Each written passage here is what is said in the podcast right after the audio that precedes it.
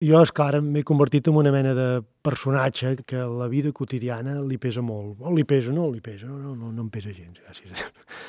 No, vull dir que està molt abocat el, com a on t'ho dut les coses, el mateix treball, la vida on t'ha dut, no? Llavors m'ha dut doncs, en una vida que faig eh, en un lloc determinat, no? i tinc el taller de la muntanya, llavors aquestes operacions d'anar al taller i el camí, per exemple, clar, jo vaig en bicicleta a l'estiu i l'hivern m'hi porten, jo no sé conduir. Llavors, això està a 600 metres més amunt de casa, al taller.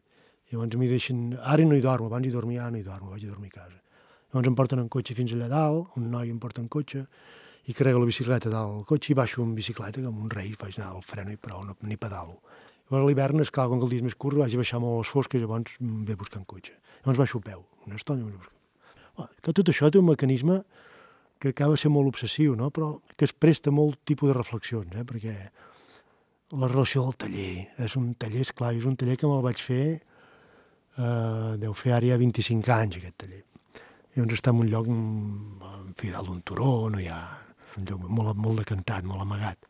El vaig fer eh, artigant un bosc, era unes runes, vaig artigar el bosc, vaig reconstruir la casa, Clar, amb 25 anys el bosc i l'he vist créixer jo. Llavors aquest bosc me'n dono compte que jo, si no faig alguna tal en tant en quant, em tornarà a entrar al taller i això no haurà passat res allà. Eh?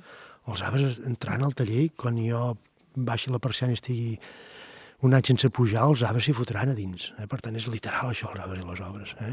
Si faig obra, fantàstic, si no en faig, és igual, perquè els arbres s'hi fotran a dins i seran unes obres extraordinàries. Eh? Molt mimètiques, una mimesi absoluta. Llavors hi ha altres coses que també em fascinen, per exemple, el camí, no? Esclar, jo vaig a peu, quan vaig a bicicleta vaig, faig anar un camí, quan vaig a peu faig anar un altre, però amb cotxe s'hi arriba, però, però s'ha de molta volta, vaig, vaig a peu. Llavors, clar, quan jo hi passo tot l'estiu vaig passant, obro, faràs un camí, i llavors el camí queda marcat al final de l'estiu. Ostres, una cosa. Llavors l'hivern hi ha l'altre, no? Ostres, això és, potser és més important això que no pas tot el que fot allà dintre, no? Hosti, això sí que és, és bèstia, no? perquè tu acabes fotent un camí i és ben marcat a terra i no el fa ningú més que jo, perquè no hi va ningú més. Llavors, clar, aquesta relació amb el món, cony, poder...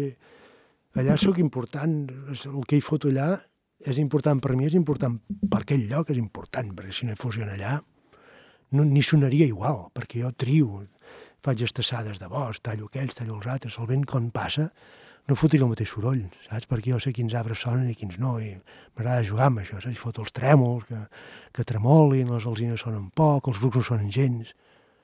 Jo estic molt fotut amb aquest món, no sé, amb aquest món, que és un món que molt difícil de comunicar, jo crec que el comunico d'una altra manera, perquè tot això que t'explico és, tampoc ho pots anar explicant, vull dir que no.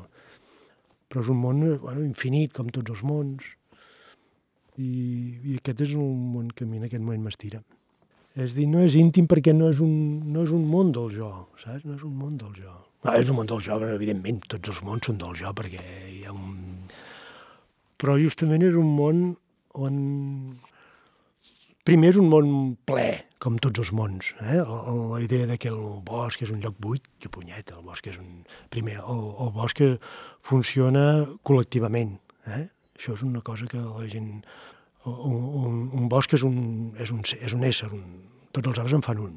I això ho veus fent, fent actuacions. No? Si, per exemple, tu vols introduir una espècie en un bosc d'aquests, un bosc viu, una cosa és una arbreda de plantació, un bosc que està terrenat i foten cultius de l'arbre que sigui.